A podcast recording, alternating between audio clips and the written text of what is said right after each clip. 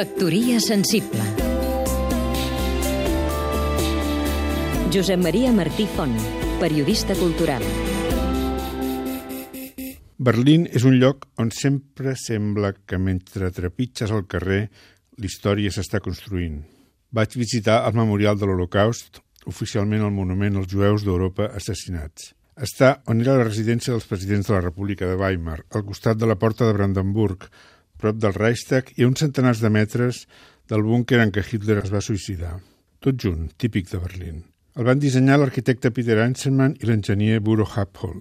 És un terreny de 19.000 metres quadrats amb una certa pendent on s'han col·locat 2.711 esteles de formigó de 2,3 metres de llarg per 0,95 d'ample, d'una alçada variable, disposades de manera que, segons Einstein, han de produir una sensació confusa i incòmoda, com d'un sistema suposadament ordenat que ha perdut el contacte amb la raó humana.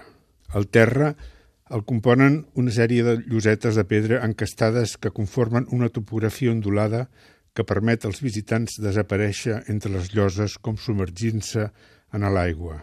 Primo Levi, un dels supervivents d'Auschwitz, parla d'una idea similar.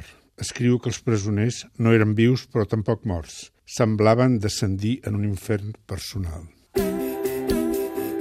Factoria sensible Seguim-nos també a catradio.cat